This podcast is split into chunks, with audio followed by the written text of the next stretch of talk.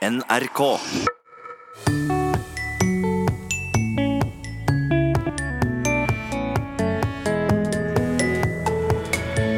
Hvem svarer best, eventuelt sjarmerer dommeren mest i dialektkonkurransen Høtt sa du? Skrev Reksel. Når du eh, setter opp uh, disse her uh, installasjonene for turfisk, da skal de, de skal skreve ut sånn og, og Skal du fullføre? Helt sikkert. Kan det være hemoroider? I dag skal det kåres et vinnerlag. Og å krysse fingra er en typisk norsk frase. Men hvorfor sier vi det når vi håper på noe godt? Vel møtt til Språkteigen. Og først i Språkteigen i dag kaster vi oss rett ut i bunken med lytterspørsmål. Vi begynner med et ord som satte sitt preg på den stortingssesjonen vi nettopp har lagt bak oss, nemlig daddelvedtak. Hva betyr det, og hvor kommer det fra, spør Hilde Løveid Varvin. Og Cecilie Solar legger til, jeg fikk vite at det hører sammen med det faste uttrykket ridder uten frykt og daddel, men det forklarer ingenting for meg, så Sylfest Lomheim og Toril Oppsal, kan døkk forklare dette ordet? Jeg syns jo at de burde brukt et ord som folket forstår, for Stortinget er jo folkets organ. Ja, hva skulle man brukt da? Ja, klandrevedtak. Et kritikkvedtak. Vedtak om kritikk og klandring. De klandrer noen. Men eh, daddel er jo to ting i norsk. Eh, vi har dette som betyr å klandre, og kritikk. Det kommer fra tysk, et tysk verb, som betyr å klandre. Men så har vi daddel eh, som folk eter. Ja. Og det er et helt annet ord. Har ingenting med det tyske å gjøre. Det kommer fra gresk, et ord som betyr en finger. Og det er fordi at daddelfrukta på daddelpalma har form av en finger. Og eh, daddelfrukt Jeg tror ikke jeg liker det så godt, men du kan jo lage honning av de, og i tropiske strøk så er det jo fullt av daddelpalmer. Og i Jeriko i Israel, som ligger så lågt, og det er så varmt, fullt av daddelpalmer, og noe av det viktigste de produserer der, er honning fra daddelpalmer. Så det er to ulike ord. Enig i det med at det kunne vært litt mer folkelig? Eh, ja, jeg vil eh, si at dette her var et daddelløst svar, Sylfest. Eh, Det er også et adjektiv vi har, og det kan jo da bety både perfekt Ja. og også at vi mangler dadler i skapet. Så, så, så det blir jo en liten variant. Hva sa du? Mangler dadler i Daddelløs? skapet? Ja, man må jo ha det når det nærmer seg jul. Men det er jo artig dette her med en finger, Ja. og, og hvordan frukten og fingeren både har det samme opphavet, eh, altså hva ord, og at den ligner på en finger. Altså Det sier jo litt om hvordan vi skaper ord også. Men, men mener du at eh, det tyske daddel har noe med kritikk å gjøre? Det mener jeg, det er taddel. Det er ikke daddel. Det er Ja. ikke daktylos. Det er Nei, ikke fingeren. Så Men et er daddelløst skap, Ja, hva er det da? det er et perfekt skap. Men det kan også være et skap som mangler dadler. Jeg ser ofte at uttrykket beruset brukes ved påvirkning av alkohol. Dersom andre og helst illegale rusmidler brukes, så anvendes begrepet rusa. Stemmer det, og hva er årsaken til dette, spør Geir Gabrielsen. Stemmer det? Ja, det gjør det. At ruse eh, brukes primært om å bruke rusmidler, men B-ruse, der er det alkohol inne i bildet. Og ikke bare det, der har vi også veldig mange tilfeller av overført bruk. At du kan være beruset av kjærlighet. kjærlighet. -hmm. du kan være beruset av lykke, og du kan være beruset av eh, suksess.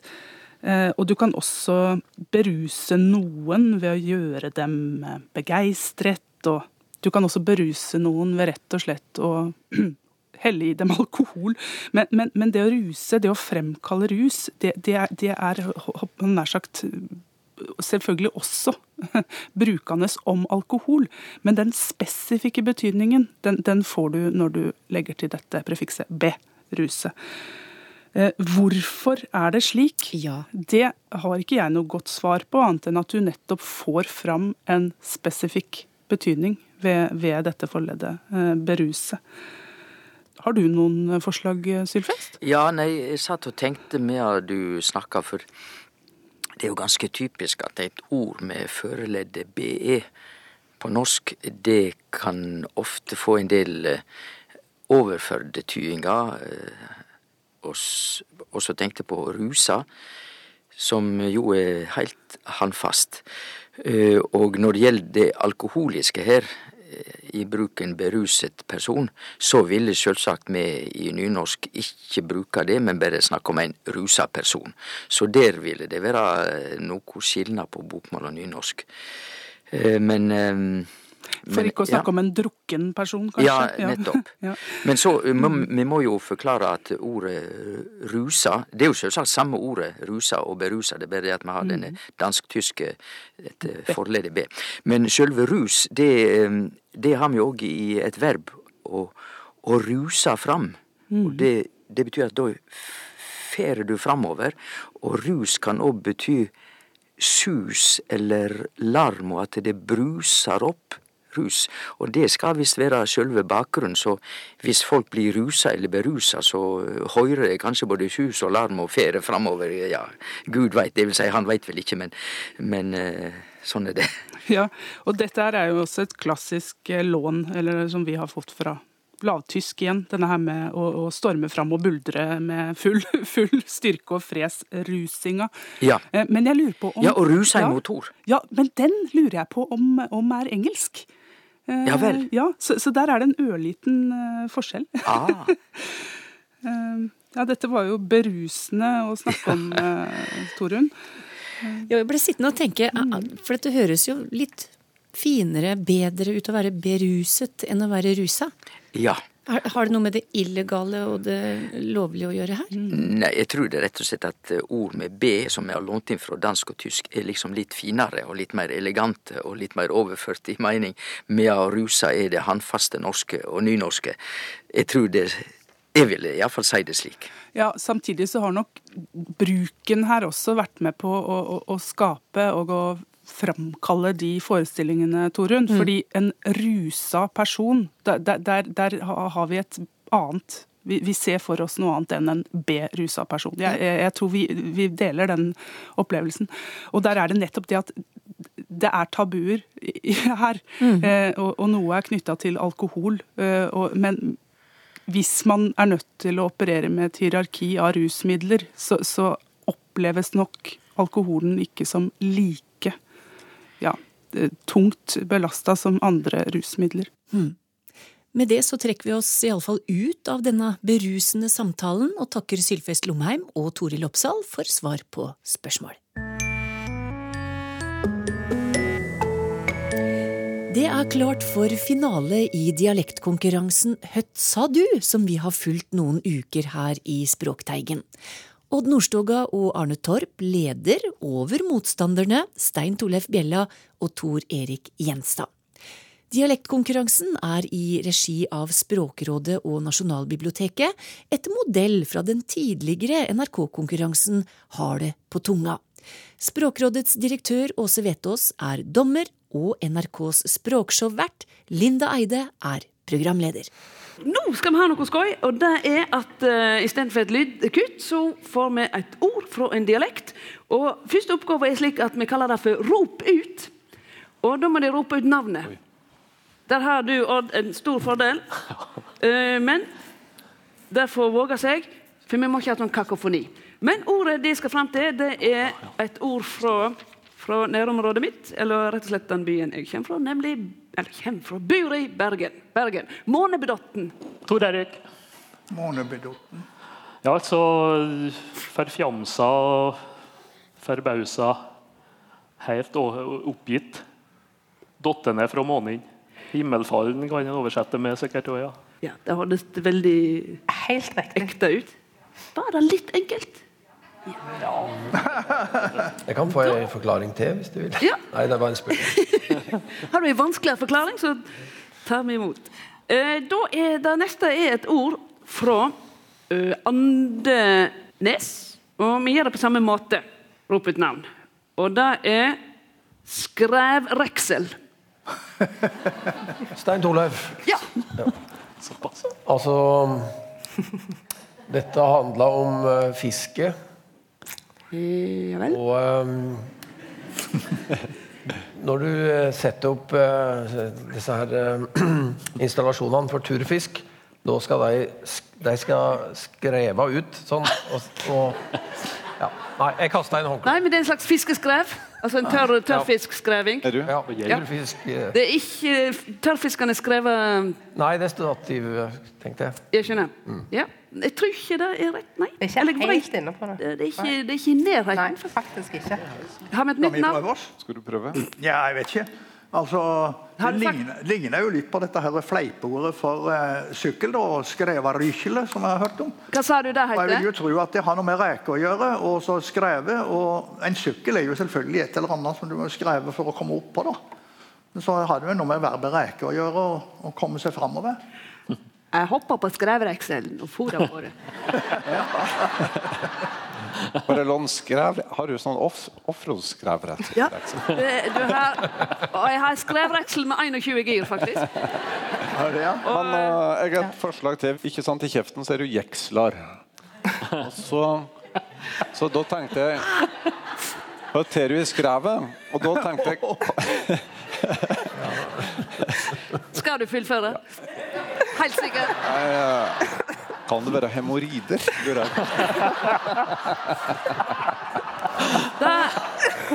altså, hvis du er veldig sånn at du ikke kan si ordet hemoroider, for det er så forferdelig, så kan du helt sikkert bruke dette. Men jeg hadde bare så lyst til å høre hva du kom fram til, for Arne har sagt det. Ja.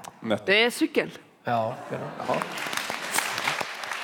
Da går vi inn i siste sving. Da er første ordet til uh, dere.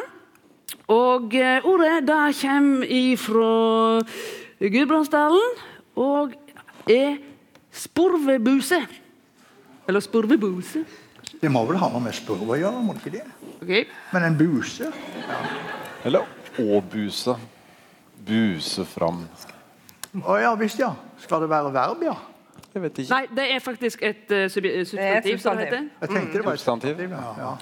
Hvis det skal være skikkelig gudbrandsdalsk, så vil en vente at det er sporvebuse hvis det er hannkjønn, og sporvebuse hvis det er hokjønn. Ja. Men eh, nei. Jeg vet ikke hva resten betyr, men sporv er greit nok. Men, men, men, en, men buse En buse det bruker jo vanligvis å være noen som for har nase. Ja, men sporvebuse, er det for noe, da? Ja. Må være en liten en, da? eller? Men hei, altså hei, Paula har vel ikke noe sånn i nesa, vel? Ok, Vi må ha et svar, men vi går, kan si så mye at sporv er et lite uh, her. her. Men uh, ellers må de svare. Men var det et substantiv? Ja, ja. Ja, ja. Det, det er en ting, en gjenstand, En gjenstand? eh, som befinner seg som oftest ute.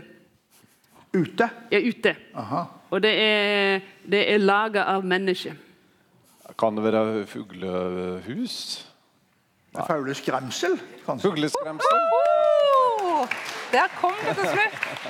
Man kan ikke bli fullt på. Det var bra. Nei, da, får, dette får de ett poeng Skå til tåka. før. Skå til tåka. før. Storbebuse. Kjempebra ord, hæ? Herlighet. Eh, Da er det, nå er det finale, finalespørsmålet. Da må de skåre full pott og litt til for å vinne. kan ta Her kommer et ord fra Setesdal, nemlig kjakepuste. Med preaspirasjon. Puste. Eh, det. Kjake er nå kjeve. Ja, eller kjake. Men er, er den S-en en, en hørbar, eller er det som du sa, det Ja, nei, den er hørbar. Han er kjake, kjakepuste. Pu- Og da er det Kanskje pu, du, ikke, eh, Jeg tror han sa kjak, kjakepuste. Kjakepuste. Ja. ja, det er typisk, for da har du en slik eh, overlang staving som de har en idé Med, altså, du har både lang vokal, og så kommer det eh, lang konsonant, egentlig. Da, Ja, men konsonant, da. hva er tingen? Og så skal, kan du stryke den én, tenker jeg, for det er en såkalt uh, svarabakti-vokal. Altså en uh, vokal som uh, egentlig Ja, skal ikke si så mye mer om den, men den går jo tilbake på gammel nominativsending. Den er skutt inn framfor nominativs R. Jeg regna med at poengene ringer inn her nå. du Føler at det er skjerm, er dette skjermpoeng? Dette er skjerm. Det er over. Eh, så det er altså det er substantiv, det her òg. Uh, ja. Altså en, en eller et kjakepust. Tenk Eh, kjake. det- ja, jeg tenker kjake er et pust. Det trenger ikke være det pusten som du drar ut og inn. Det kan være en hevels eller eh, et eller annet slikt. Det er det er veldig bra resonnering, men dette er litt sånn kvikkoppgave. Så vi må Ja, det, be om, det, oh, ja, be om eh, eh, Såpass, ja. Eh, nei, det kunne være en uh, byll på, på kjaken, rett og Byll slett. på, byll på kjaken er nevnt. Har du noen forslag, eh, Stein Torleif? Kusma. Kusma er nevnt. Kunne Men det ligger liksom i det her håper jeg, på øre, nese, hals, men altså eh, her i feian, som svenskene sier. Til sammen har deres lag ja, så du sier, spesialkompetanse på dette ordet. egentlig. Skjegg. med skjegg, ja. Ja, men det, det er de Skjegg, skjeggstubb. eller- Stubb og stubb. Ja, det er ikke slik pornosmultring som trønderne har. slik rundt. Eh, nei, Nei, men Gjelder fipp, eh, fippskjegg, rett og nei, slett. Nei, nettopp. Det er så mye som kinn, Kinnskjegg, ja. kinnskjegg. Ør, ørskjegg, som det heter. Ja. Ja, ja. Mm. Eh, da Ja, så eh, jeg er redd at vi taper nå. ja, ja. Så, og da har jeg lyst til å komme med en, en Altså, konkurransen heter jo Høtt. Og eh, Odd har onkelen sin i ja, Men Tor Erik og jeg vi konkurrerer bare med oss sjøl. ja, ja. Takk. Det ble altså 9-7, så vinnerne er Odd og Arne.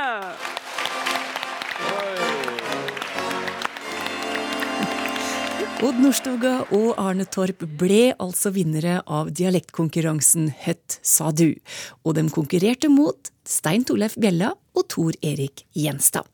Åse Vetås var dommer og Linda Eide programleder.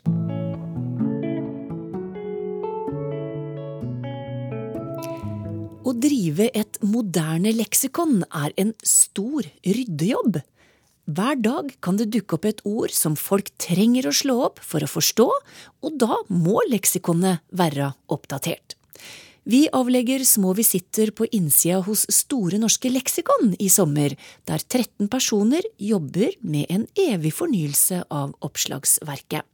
Og i dag skal vi høre mer om den ryddejobben dem gjør. Jeg skal innrømme vi fant en australneger eh, i et hjørne en gang. Det er altså en aboriginer. Og så har vi hatt en liten runde med sånn opprydding i botanikk. Og så en del tradisjonelle norske plantenavn har vært litt sånn eh, Har vært litt underlige. Så eh, nå, negerpepper uh, var f.eks. navnet på den litt dårlige pepperen. Um, og det, vi oppdaga jo at det var jo ingen botanikere som kalte det pepperet for negerpepper mer. Um, så den ble da altså pent omdøpt til det den kalles i alle fagmiljøene, som er etiopisk pepper.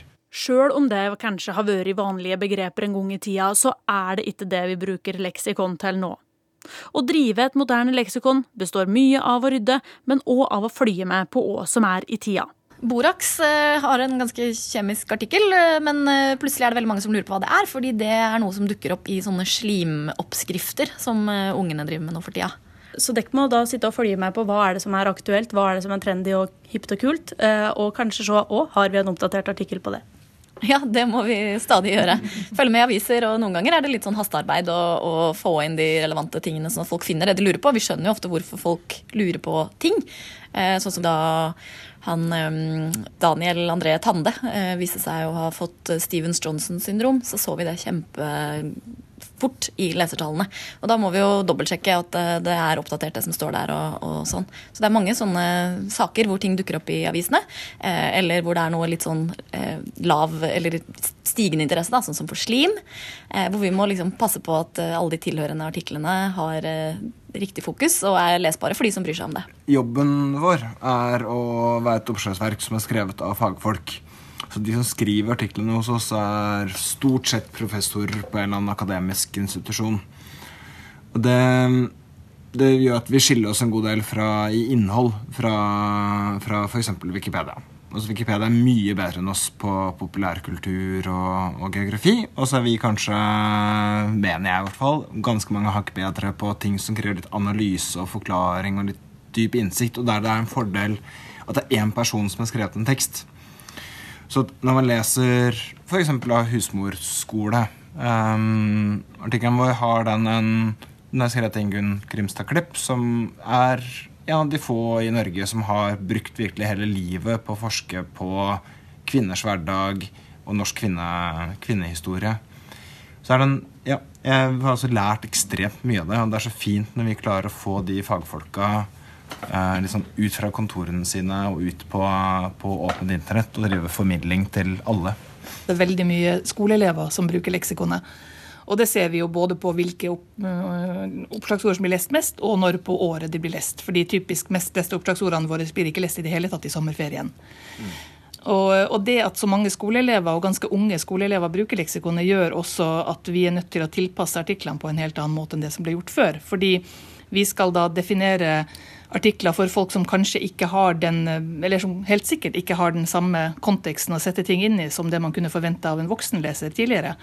Så hvis du skal lese om Henrik Ibsen, så skal den første setninga og det første avsnittet skal fortelle deg veldig kjapt hvem var nå han der Ibsen, hvorfor står det om han i norskboka mi? Mm. Hvorfor blir, han, hvorfor blir han referert til i en tekst som handler om noe helt annet?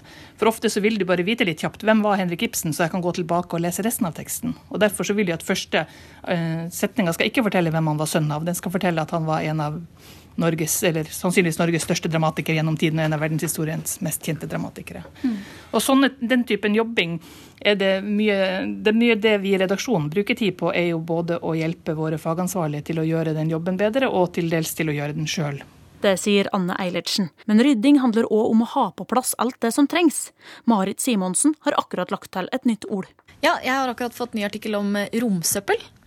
For det, Nå snakker vi veldig mye om plast i havet, men vi mennesker eh, begrenser oss jo ikke til det. Vi forsøpler også i verdensrommet. Og det er eh, et ganske stort problem for all romfart. Eh, og det hadde ikke vi noen artikkel om. Nå har vi det. Det sa til slutt Marit Simonsen, og det er Helle Therese Kongsrud som er vår reporter på sommerbesøk hos Store norske leksikon. Vi skal avslutte med et par lytterspørsmål til, og dem går til Tor Erik Gjenstad og Georg Kjøll. Det første er fra Emma Andreasson, som har skrevet et innlegg i Språkteigen sin Facebook-gruppe. Hvor kommer egentlig uttrykket 'jeg krysser fingra' fra? Og hvorfor krysser vi fingra når vi håper på noe godt, spør hun. Og hva sier du til det, Georg? Det er en trope i språket som vi kjenner igjen fra mange andre uttrykk. Vi snakker om eh, kryss i taket og kryss i almanakken og kors på halsen. Kors er jo det samme ordet. Eh, å legge to pinner i, i kryss. Eh, så det handler om en overtro om at gjenstander som er lagt i korsformasjon, på en måte samler magi i mm. krysset. Og kunne sånn sett beskytte mot ondskap. Og det er nok det som har skjedd med krysse fingrene også, at her er beskyttere mot ondskap. Og så er det en slags slags eh, hva skal man si, en sånn synkretisme med, med kristen tro, eh, og det tunge symbolikken i, i, korset der, og det også er eh, påkaller godhet, mm. som, som, nok har hatt med det å, å gjøre. Så kors på halsen, for eksempel, da, er lett å forbinde til akkurat, akkurat dette her. Og vi ser i, i en del sånn en del religiøse religiøse tradisjoner, og f.eks. i katolisisme så, gjør, man korsets tegn som tegn på respekt, eller for å motvirke, motvirke ondskap, eh, eller påkalle godt hell. Så det er litt eh, samme greia som skjer med krysse, krysse fingre. Mm. Så du krysser jo fingrene for noe noen annen, da? At, eh, så du sitter og ser på en spennende fotballkamp, og så krysser du fingrene for at favorittlaget ditt skal vinne. Ja. Uh, en litt annen form for korsing. Du ser de driver med en del idrettsutøvere. Altså, de gjør korsets tegn færre før de setter utfor hoppbakkene eller ja. sprenger inn på fotballbanen. Ja. Da er det jo litt for dem sjøl, eventuelt for laget. da. Ja, ja, ja. ja. Mm. ja det, det, vi har en del sånne ting som vi gjør, litt sånn overtro som, som vi kanskje ikke tenker at uh, har så stor effekt, uh, men vi banker i bordet, f.eks. Mm. Og i språket så fester det seg litt sånn fordi i de sammenhengene hvor vi ikke vet noe om framtiden, vi vet ikke hvordan ting skal gå, så, så, er det ikke så veldig mange andre ting vi kan si. Eh, hvis man ikke er religiøs, så kan man ikke si 'hvis Gud er god', eller uh, 'hvis Gud vil', eller så, som, man, uh, som, man, har som konstruksjoner i ganske mange andre språk, eller som man også bruker på, på norsk uh, i hva skal man si, mer, i mer religiøse miljøer. Mm. så da trenger man noe annet, da. så i dette diskursive vakuumet så har bank i bordet og krysser fingrene oppstått. det kan man kjenne på hvis noen altså hvis noen forteller en historie om eh, eh, noe stort som skal skje, og noe usikkert, så har man lyst til å si noe etterpå. Man har lyst til å si lykke til, eller men kanskje ikke det passer helt. Så eh, ja, da er det ofte vi krysser fingre, som er eh, som er den man går til. Uh, og det har jeg også hørt flere si. Uh, folk som har en dramatisk historie å fortelle, sier at alle sier at de krysser fingra, men hva, hvorfor, hva hjelper det meg, liksom? Jeg skal jo jeg skal gjennom, jeg skal gjennom en forferdelig behandling, eller ja, jeg skal ha ja, jeg har søkt om oppholdstillatelse og, og venter på at UDI skal behandle den. hvorfor går alle nordmenn og krysser fingrene? Men det gjør de, altså. Nordmenn krysser fingrene for folk, for det er litt eneste vi, eneste vi kan når vi ikke har kontroll over eh, hvordan ting går. Vi sitter ikke i UDI og behandler saker. Vi må bare krysse fingra for vennene våre, og at de får lov til å ja, at ting går som det vil. Leif Hartli Andreassen har spørsmål om ordet hærråda, som i setningen 'Jeg er i hærråda nå, så jeg har ikke tid til å prate med deg'. Hvor kommer dette ordet fra, og hvor brukes det, Tor Erik? Ja, det må være et ord her som i norsk ordbok er ført opp som herot eller herote. Og i sambandet i Heråda, eller i Heråta Og det er Agder her det er snakk om, så det vil jo variere mellom mjuk og hard konsonant, altså mellom T og D. Og det kan bety flere ting. At den er i Herråda, eller i Heråda, det kan bety i ørske, i søvne, eller i sanseløse. Men ordet kan også bety oppstyr og sjau. Og det er et sørvestlig område her. Det er snakk om Agder og Rogaland, og så går det litt inn i, i Hordaland nå, slik som det er belagt. Så hva det kommer av. Det er ikke noe registrering, noe oppføring i norrønt som tilsvarer det her. Men det er en antydning, da, et forslag om at førsteleddet rett og slett er hær. Altså krigshær i krig. Ja. Og andreleddet kan da være et gammelt ord ote, som betyr stri, kapping, og også knipe. Ei hard ote en hard strid. Om det er en sammensetning av de to, det er vel det som er best forslaget så langt. Hm. Drev de krigføring i svime før i tida? ja, det, hvis du tenker på de der berserkene, så var de dårlig sikkert litt uh, alterert. Men du sa det var litt i ørska, litt tommelumsk nærmest, dette her, da? Ja, og det kan kanskje være derfor at uh, personen her da ikke kunne snakke. Kanskje akkurat våkna hvilt middag eller slikt, så var litt grann, i, grann utafor. Litt i ørska. Mm. Det er jo, som dere nevner der, mange synonymer for, for det fenomenet. Typisk sånn uh, veldig gjenkjennelig følelse som man kan uh, Som, som man egentlig ikke trenger. Man kan nesten bruke hva, hva, som helst av ord for å, for å, snakke om det. Fordi det er så utrolig gjenkjennelig og det er så lett å skjønne av, av, sammenhengen hva det er. Jeg hadde aldri hørt ordet før før jeg leste det i, i spørsmålet, men jeg kunne på en måte gjette meg til det likevel uten å slå det opp. For det sier litt om hva, ja, sier litt om hva man kan slippe unna med av, av variasjoner på dette fenomenet. det er et godt ord, da, egentlig. Så lenge det blir så lett å kjenne igjen. Ja, jeg syns det er veldig fint. Ja. Det er jo sammenhengen som, som redder det her, og det gjør det jo nokså ofte. da. Om selve ordet kanskje ikke er helt kjent, så skjønner det ut ifra sammenhengen. Hmm. Jeg er iallfall ikke i Heråda, men holder huet klart og avslutter Språkteigen for i dag. Takk til Tor Erik Gjenstad og Georg Kjøll. Vi er tilbake om ei uke. Ha det bra.